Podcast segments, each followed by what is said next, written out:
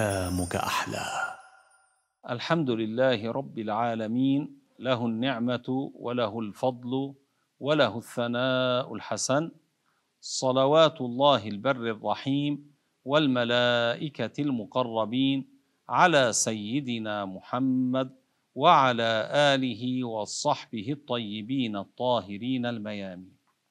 وصلنا إلى الكلام على بيان كيفية تجهيز الميت وصلاة الجنازة.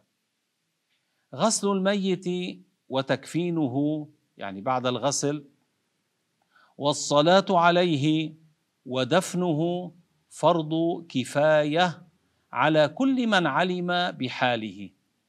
هذا إذا كان الميت مسلما ولو طفلا إذا ولد حيا. كيف نعرف أنه ولد حيا؟ بعلامات منها بصياحه إذا صاح أو تحرك تحركا اختياريا. فبهذا يعلم أنه حي.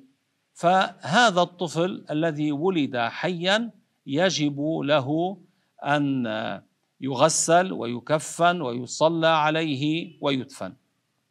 أما الكافر الحربي والمرتد فلا يجب لهما شيء من ذلك. أما الذمي يعني الكافر الذي يدفع الجزية لخليفة المسلمين فوجب لذمي تكفين ودفن إن لم يقم بذلك أهل ملته ولم يكن هو عنده مال يكفي لتجهيزه. لكن لا يدفن في مقابر المسلمين إنما في مقبرة أخرى. ووجب لسقط ميت وهو الذي لم تظهر فيه أمارة الحياة يعني لم يصح ولم يعني لم يبكي مثلا ولم يظهر منه حركة اختيارية. هذا السقط الميت يجب له غسل يعني هذا ظهرت فيه خلقة آدمي. فهذا وجب له غسل وكفن ودفن. إن ظهرت فيه كما ذكرنا خلقة آدمي. أما إذا لم تظهر فيه خلقة الآدمي هذا يندب أن يلف بخرقة ويدفن. يسن ليس فرضا. ولا يصلى عليهما أي على الذمي لأنه ليس مسلما ولا يجوز الدعاء لغير المسلم بالرحمة بعد وفاته. ولا يصلى على السقط لأنه لم يولد حيا.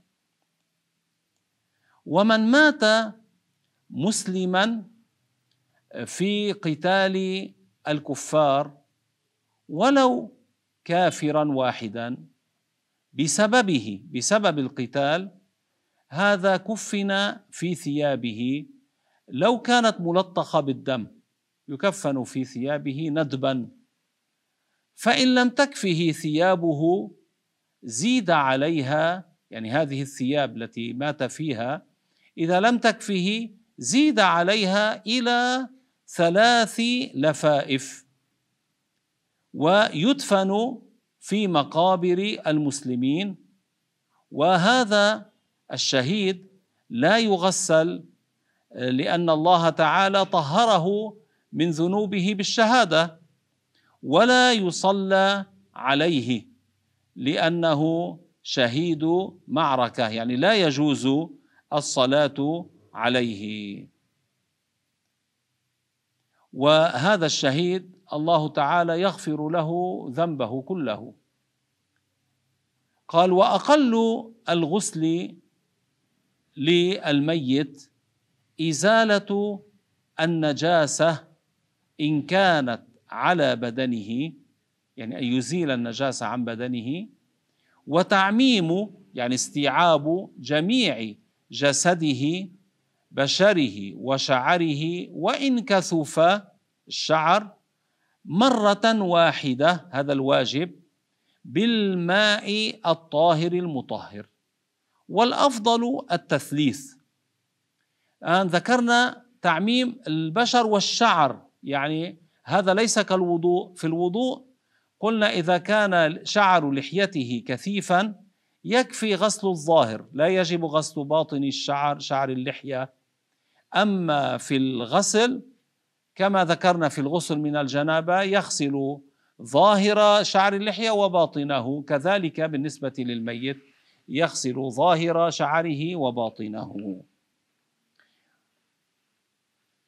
وأقل الكفن للميت ساتر يستر جميع البدن إلا رأس محرم ووجه محرمة. المحرم بالحج أو بالعمرة لا يغطى رأسه في الكفن في التكفين والمرأة التي هي ماتت في الإحرام هذاك المحرم الذي مات وهو محرم في الحج أو في العمرة والمرأة ماتت في الحج أو في العمرة وهي محرمة هي إحرامها في وجهها فلا يستر وجهها بالكفن. فأقل الكفن ساتر لجميع البدن وثلاث لفائف آه، لمن ترك تركة زائدة على دينه. يعني ثلاثة أقمشة يلف بها. توضع الواحدة فوق الأخرى ويلف بالأولى ثم بالثانية ثم بالثالثة. هذا لمن ترك تركة زائدة على دينه. آه، أو لم يكن عليه دين أصلا. ف ولم يوصي كذلك ولم يكن أوصى بترك اللفائف الثلاثة.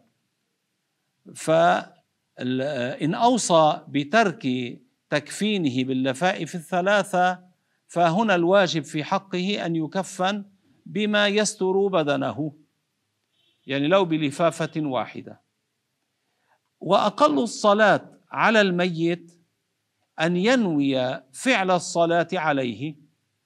يعني والفرض والتعيين ويعين أنه يصلي الجنازة. يعني يقول أصل بقلبه بنيته في القلب أصلي فرض الجنازة. أصلي فرض الجنازة. ويقول الله أكبر. آه يعني وهو قائم. يقول الله أكبر وهو قائم. يعني مع تكبيرة الإحرام ينوي فرض الجنازة على الميت. آه هذا إن كان قادرا على القيام يصلي قائما. ثم يقرأ الفاتحة والفاتحة لا بد منها ويندب أن تكون الفاتحة بعد التكبيرة الأولى. لكن لو أخرها لما بعد التكبيرة الأولى يجوز. ولا بد من مراعاة شروط الفاتحة يعني أن يأتي بها بالتشديدات وبالترتيب وبالموالاة كما في الصلوات المفروضة المكتوبة. ثم يكبر مرة ثانية بعد أن قرأ الفاتحة. يقول الله أكبر. ثم يقول بعد التكبيرة الثانية اللهم صل على محمد. هذا أقلها. آه ولو أتى بالصلاة الإبراهيمية التي تقرأ في الصلاة أحسن. لكن يكفي لو قال اللهم صل على محمد.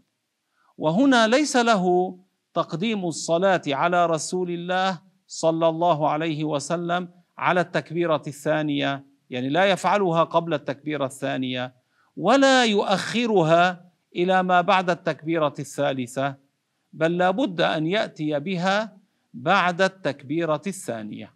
هذا محلها. ثم يكبر مرة ثالثة أي يقول الله أكبر. ويدعو للميت بخصوصه يعني اللهم اغفر له وارحمه. يدعو بدعاء أخروي. من نحو ما ذكرنا اللهم اغفر له وارحمه. اللهم جاف القبر عن جنبيه. اللهم أسكنه فسيح جناتك. وما وما هو من نحو ذلك. والأكمل أن يقرأ الدعاء المأثور كأن يقرأ آه، اللهم اغفر لحينا وميتنا وشاهدنا وغائبنا وذكرنا وأنثانا وصغ... آه، حعيدة كأن يقول اللهم اغفر لحينا وميتنا وشاهدنا وغائبنا وصغيرنا وكبيرنا وذكرنا وأنثانا اللهم من أحييته منا فأحيه على الإسلام ومن توفيته منا فتوفه على الإيمان. هذا ثبت عن النبي صلى الله عليه وسلم أنه قاله في الصلاة على بعض الموتى. ويوجد روايات أخرى في من الدعاء المأثور الذي يدعو به في صلاته على الميت. ثم يكبر المرة الرابعة يقول الله أكبر. ثم يسلم فيقول السلام عليكم. والأحسن آه، قبل أن يسلم أن يعود إلى الدعاء بعد التكبيرة الرابعة يعني ويدعو للميت ويدعو للمؤمنين. يعني كأن يقول اللهم لا تحرمنا أجره ولا تفتنا بعده واغفر لنا وله.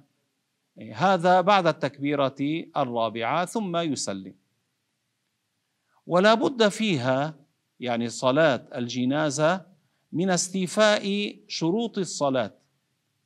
أليس من شروط الصلاة استقبال القبلة؟ فمعناه يستقبل القبلة والطهارة عن الحدثين وعن وعن النجاسة الغير معفو عنها كذلك. ولا بد فيها من ترك المبطلات يعني ما أبطل الصلاة أبطلها.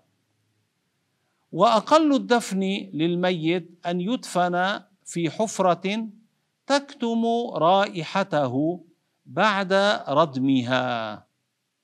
وتحرسه من السباع لأن السبع يشم الرائحة إذا لم يكن معمقا كما ينبغي القبر آه، يشم السبع رائحته فينبش القبر ويخرج الجثة. فلابد أن تكون الحفرة تكتم رائحته وتحرسه من السباع من أن تنبشه وتأكل جسده. ويسن للإتيان بالأكمل أن يعمق القبر قدر قامة وبسطة يعني قدر ما يقوم يقف ويبسط يده مرتفعة. يعني وهذا قدر أربعة أذرع ونصف يعني بذراع اليد من رؤوس الأصابع إلى المرفقين.